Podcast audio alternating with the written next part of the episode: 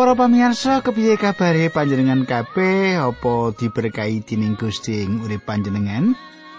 Ya pantung aku panjenengan tansah diberkahi dening Gusti Allah, panjenengan sak brayat temtune lan sapa wae sing mirengake adicara iki supaya tansah diberkahi Gusti Allah lan diparingi bagas waras.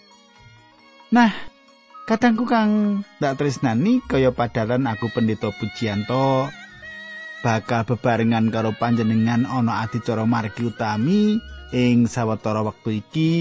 Monggo midhangetake adicara iki sugeng midhangetake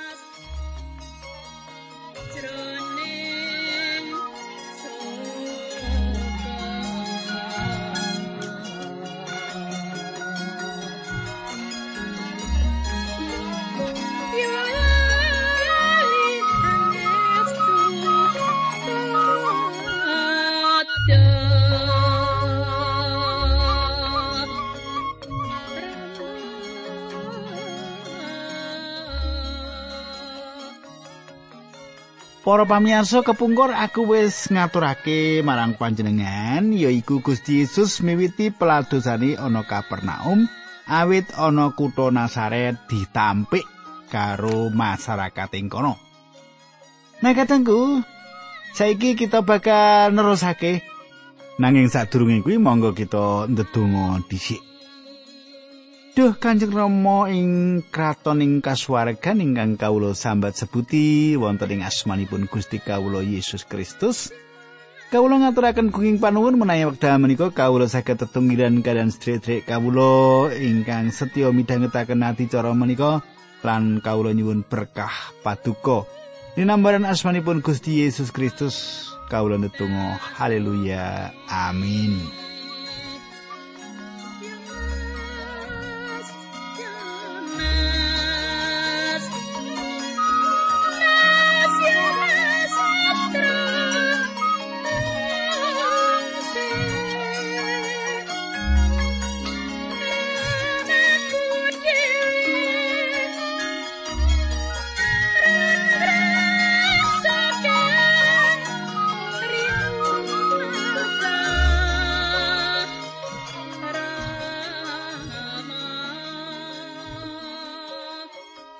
Para pamirsa, aku bakal nerusake apa sing wis tau tak terangke ing patemon kita kepungkur.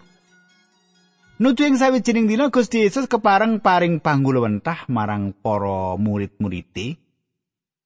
Dumadakan panjenengane pirsa yen akeh wong kang uga kepengin ngerti kaya ngapa panggulawentah ing Sang Kristus kang wis kaloka ing laladan kono. Mula panjenengane minggah ing puntuk ing ereng-erenging gunung supaya bisa trewaca anggone mirsani kang padha teka lan kanthi umber nggone medhar sabdo. Senajan kita bakal nriti siji mbaka siji bab-bab ing pamedhar sabdo utawa khotbah iki panjenengan ndak aturi luwih dhisik ngulati kanthi jangkep wengkoning isi khotbah ing puntuk iki. Gusti Yesus paring sabda kang bisa kaperang dadi patang prakara. Kang nomor siji yaiku khotbah ing puntuk ereng-erenging gunung, yaiku saka pasal 5 nganti pitu. Sing kaping pindho yaiku bab pasemon ing pasal telulas, sing kaping telu pawicantenan ing puntuk saitun pasal 24 ngaslawi. Khotbahing puntuk kadidene pranyatan sing katulis dening Sang Kristus rajane swarga. Pawicantenan Bapak Semon maringi pedoman kang nyata. Sawise prastawa panolaking para wong marang Sang Kristus. Khotbahing puntuk kadidene khotbah isi panjangka. Bab apa kang bakal kelakon sing bakal dilakoni. Sabanjure pasal kang kaping papat kang ditulis ing Injil Yohanes bab kabeneran kang sejati kang ana gegandengane karo bab pati. Tangine raga sawise mati sumengkaning Sang Kristus menyanging swarga lan pandonga panyuwun lan kita kanthi tumemen bakal ngerti apa sing dikersake dening Gusti ing bab pungkasan mau. Khotbah ing puntuk sing katulis sing Matius 5 teko pitu pati sarine akeh kamot ana ing isining Injil liyane. Nah, panjenengani Gusti kita yen maringake pangerten bab kabeneran mesti di bulan baleni sumebar ing isining kitab suci amrih apa? Amrih cetha lan dimangerteni. Uga ing Injil Lukas ngemot bab saperangan kayekten sing nate dingendikake dening Gusti ing lalakon Gusti kang khotbah ing puntuk yaiku ing Injil Lukas. Ana kono disebutake khotbah ing ora-ora. Kaya-kaya Lalakon bab khotbah ing puntuke beda lalakon karo khotbah ing ora Manut lelimbangan, tulisan ing Injil Matius iki ora kabeh ngewrat nulis sakwutuhe bab khotbah Gusti ing puntuk mau. Senadyan mengkono kita wis padha etuk piwulang kang adiluhung. Kadangku ing perangan iki ana rong bab sing arep bisa kita pirsani. Sing bagian sepisan anane golongan kang fanatik banget bab kafanatikan iki ora mung ana ing babagan politik wae malah ana para teolog wong-wong sing nyinau lan gegulang isining kitab suci kang duweni paham kang kaya ngono Kasebaline ana uga teologi kang ora nggape anane kaluhurane khotbah ing puntuk ereng-erenging gunung mau. Ana sawijining wong crita kang bisa menehi keterangan bab conto sepiro bobot pangrengko ing ngisi khotbah ing puntuk tumrap sawijining wong mungguing uripe. Critane ngene. Aku lagi olahraga, bal-balan. Aku main bebarengan karo sawijining wong sing ora nggape babar pisan bab isining khotbah ing puntuk. Nanging dheweke kandha yen khotbah ing puntuk kuwi dadi piandele kapercayane agamane. Nuli ndak takoni. Apa kowe wis nglakoni iku mau kabeh? Nglakoni kuwi sing paling utama.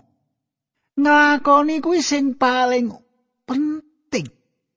Ora mung ngerti isine wae bab khotbah Gusti Yesus sing puntuk ereng-erenging gunung.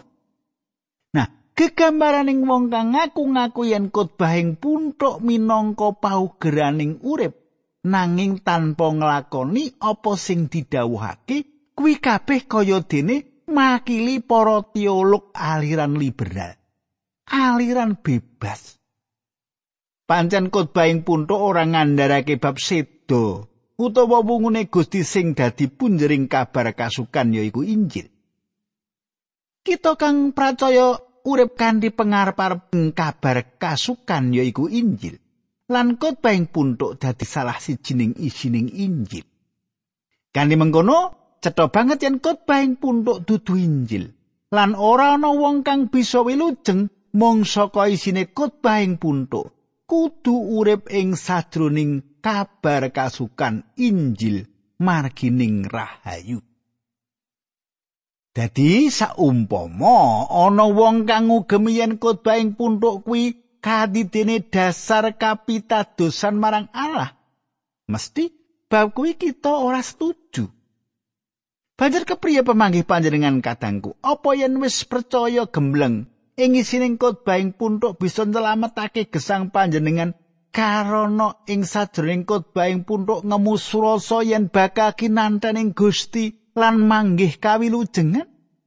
Senadan kaya mengkono, kita ora kena nyepel isining khotbah ing puntuk. Sapa sing nyepeleke isine? Kelebu golongane para wong fanatik kang wuta. Marang sawutuwe isi Injil marang sawutuwe kabar kasukan. Ana maneh golongane wong kang ora nganggep apa-apa bab isining khotbah ing puntuk lan malah kepara ngarani yen khotbah mau kaya dene jinising penyakit. Golongan iki mung percaya sak peranganing isining Injil. Malah kita bisa ndumuk yen golongan ngene iki banget nggone pilih-pilih isining Injil. Kanthi ngutamakake kahanan kahanan mirunggan bae endi kang dadi kasenengani ada dasar olah pamikir? Malah banjur duweni panemu yen isining khotbah ing puntuk babar pisan wis ora cocok dilakoni dening wong percaya ora mung kuwi bae malah ana duweni panemu yen pandongane Gusti Yesus uga wis ora cocok maneh kanggo urip saiki. Lah, ngene iki wis cengkah banget karo dasaring urip kang kumandel marang Sang Kristus Sang Juru Wilujeng. Cara pandonga iku kasediaake marang kita supaya sawayah-wayah yen kita perlu kita bisa nggunakake cara sing diwedharake saka ing kitab suci. pandonga kuwi mau dudu pameksan marang kita supaya kita nglakonana. Pancen ing sajroning khotbah ing puntuk ora nyenggol-nyenggol bab Injil lan pancen ora perlu nambahi Injil ing sajroning khotbah ing puntuk. Kanggone wong sing pancen wangkot atine isining khotbah ing puntuk banget dadi alangan kang abot yen to kuwi dadi ukurane dasar urip Kristeni. Katanggu, pancene isi khotbah ing puntuk kaya dene Torat kang wis dijelasake trap-trapane ing pasrawungan. Wis dijlentrehake kanthi cetha cak-cakane. Pancen apa dilakoni? Apa maneh tanpa ana kekuatan sing bakal yang kuyung amrih bisa nglakonana. Upamane nglakonana mung ada dasar kekuatane dhewe kanggo nggayo isining khotbah ing puntuk iku wae nyata yen isine khotbah ing puntuk ora bisa dilakoni pancen isine adiluhung nanging kekuatan kanggo nggayuh ora ana paugerane malah kepara cetha bab anane roh suci ora dijelasake yen bisa kanggo kekuatan bisa nglakoni isine khotbah mau Rasul Paulus njlentrehake kitab suci ning ngene. Rom 8 ayat telu. Panjenengan semak Rom 8 ayat telu. Apa sing ora ditindakake dening angger-angger merga sekenging daging kita kuwi saiki ditindakake dening Gusti Allah piyambak. Panjenengane wis ngukum dosa sing ana badane manungsa srana ngutus putrane piyambak sing rawuh ngagem sipating manungsa dosa kanggo nyirnakake dosa. Ayat papat, Gusti Allah nggone nindakake sing mengkono mau supaya angger-anggering Torat bisa kita tetepi ana ing badan kita sing uripe manut pangrehe Sang Roh Suci lan ora manut pangrehe daging. Katanggu, ing isining khotbah ing puntuk ora ana katrangan bab pitulungane Roh Suci tumrap sapa sing duweni karep nglakoni. nanging isining khotbah ing pundhuk ngemu paugeran kang adiluhung tumrap uripe wong Kristen. Tumrap uripe wong Kristen. Isine khotbah nggambarake apa kang dipenggalih den sing kudune kaya mengkono uga apa sing dipikirake para kagungani yaiku para wong-wong percaya yaiku aku lan panjenengan. Sanyatane isining khotbah ing pundhuk kaya dene katetepake minangka paugeran, katetepake minangka patokan, katetepake minangka kukum mungguing kratoning kasuwargan. Ing Injil Matius ngandharake Sang Kristus kang rawuh minangka raja. Lan Yohanes Pembaptis sing dadi cucu ing laku rawe Sang Raja. Isine khotbah ing pundhuk nyatane kukume kasuwargan saka Sang Guru bedami nanging kabeh saisining khotbah ing puntuk ora cocok katrapake ing donya kang ora setya lan nglawan kersane Gusti. Mung kanthi kekuatan Roh Suci kang kaparingake marang kita, kita bisa nglakoni apa sing kadhawuhake ing khotbah ing puntuk kuwi. Isining khotbah ing puntuk iku cocok banget dikumandangake ing antarane wong dosa. supaya padha maratobat kanthi tumusing ati. Kanthi nyimak isining khotbah, kita banjur katar buka. Tinar buka mripating batin kita lan bisa nglenggono yen kita iki manungsa kang dosa lan kang kaoncatan kamulyaning Allah. Tumrap kita wong percaya bisa metek undren khotbah ing puntuk nulis diwawas saka jembaring isining kitab suci. Lan saka kono kita bakal bisa nguningani penggalihe Sang Kristus juru wilujeng. Ing khotbah kono uga ditulis bab memateni lan laku zina. Apa pancen rong bab iku wae sing dianggep meranani ora? meh kabeh kang magepokan karo tata carane urip Kristen uga dicethakake kanthi wijang. Yening bukune Musa nyebutake ora ana siji wae wong kang bisa kawilujengake kanthi netepi hukum Taurat, bisa uga luwih saka kaping 10. Mo kale wong bisa diwilujengake nganggo isining khotbahing puntuk. Senajan conto mung loro cacahe apa sing dikandhut ing khotbahing puntuk, yaiku bab memateni lan laku jina nanging rong bab iki pancen penting kanggo conto ana sawijining sodagar gedhe sing kabeneran dadi majelis gereja durung tuwa yuswane kathik sugih dadi yo gagalan bagus dhewe ketemu pendeta anyaran ing gerejane kondo yen isine khotbah ing puntuk kuwi diugemi dadi agamane Pendeta mau ya ngungun lan eram dene ana sodagar nom sing carane ngomong kasar katik nganggo misuh barang bisa kondo yen isining khotbah ing puntuk dadi paugeraning uripe. Nuli tangane sodagar mau digegem disalami karo pendeta anyar mau karo kondo wah hebat banget panjenengan. Duwe paugeran urip saka khotbah Gusti Yesus sing puntuk. Apa maksudmu? Sodagar mau takon. Panjenengan ngendika jarene isine khotbah ing pundhok kuwi dadi pathokan urip panjenengan. Apa wis panjenengan lakoni? Pitakon pendeta anyar mau. Apa wis panjenengan lakoni? Ya ndak usahake jawabe. Yen mung usaha wae kuwi durung cukup, kudu dilakoni jawabe pendeta. Sebab Allah bakal maringi berkah semongso panjenengan nglakoni ora mung dimangerteni.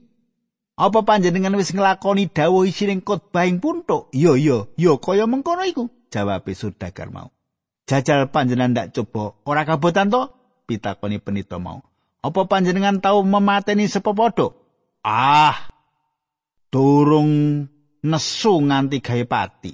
Nuli ana maneh unine ing khotbah kang ngandhake. Sing sapa nyawang wong wadon sing dudu bojone banjur duweni krentek marang wong mau ateges wis laku jina. Iya iya, aku wis tau duweni pengalaman kuwi.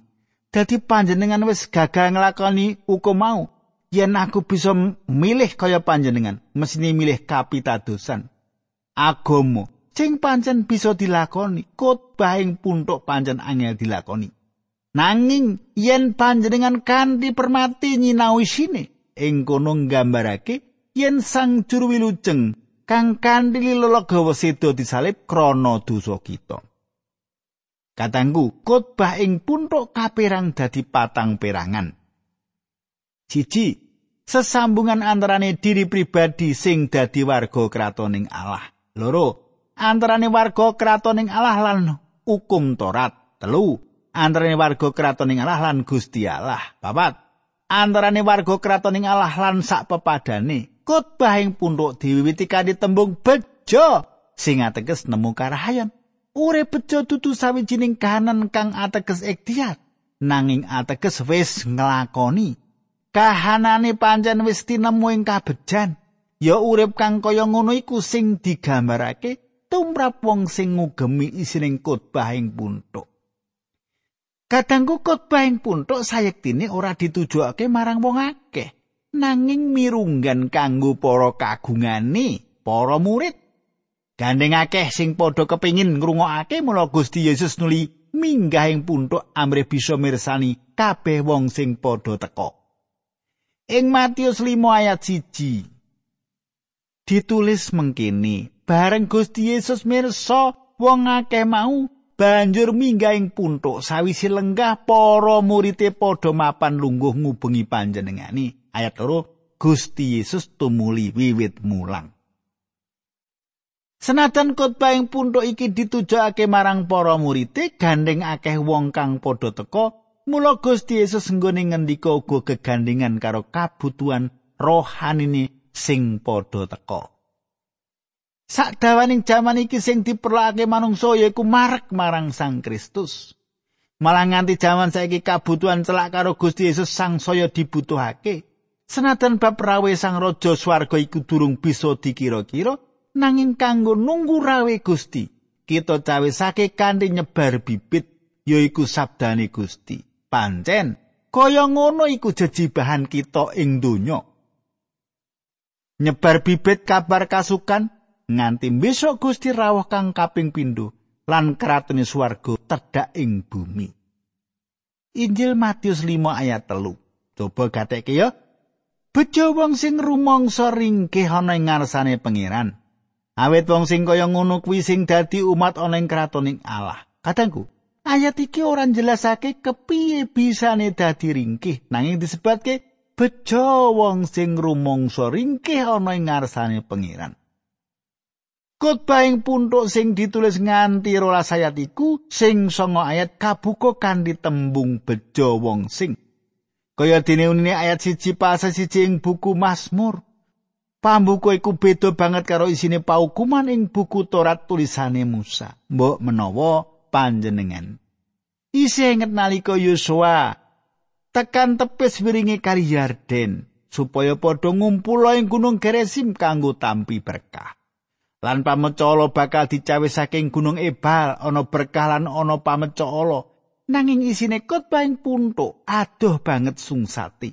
Sebab berkah sing dicawe saking Sang Kristus luwih agung tinimbang berkah ing Gerisim apa maneh pamecala gunung Ebal bakal katutup gedhening berkahe pangeran?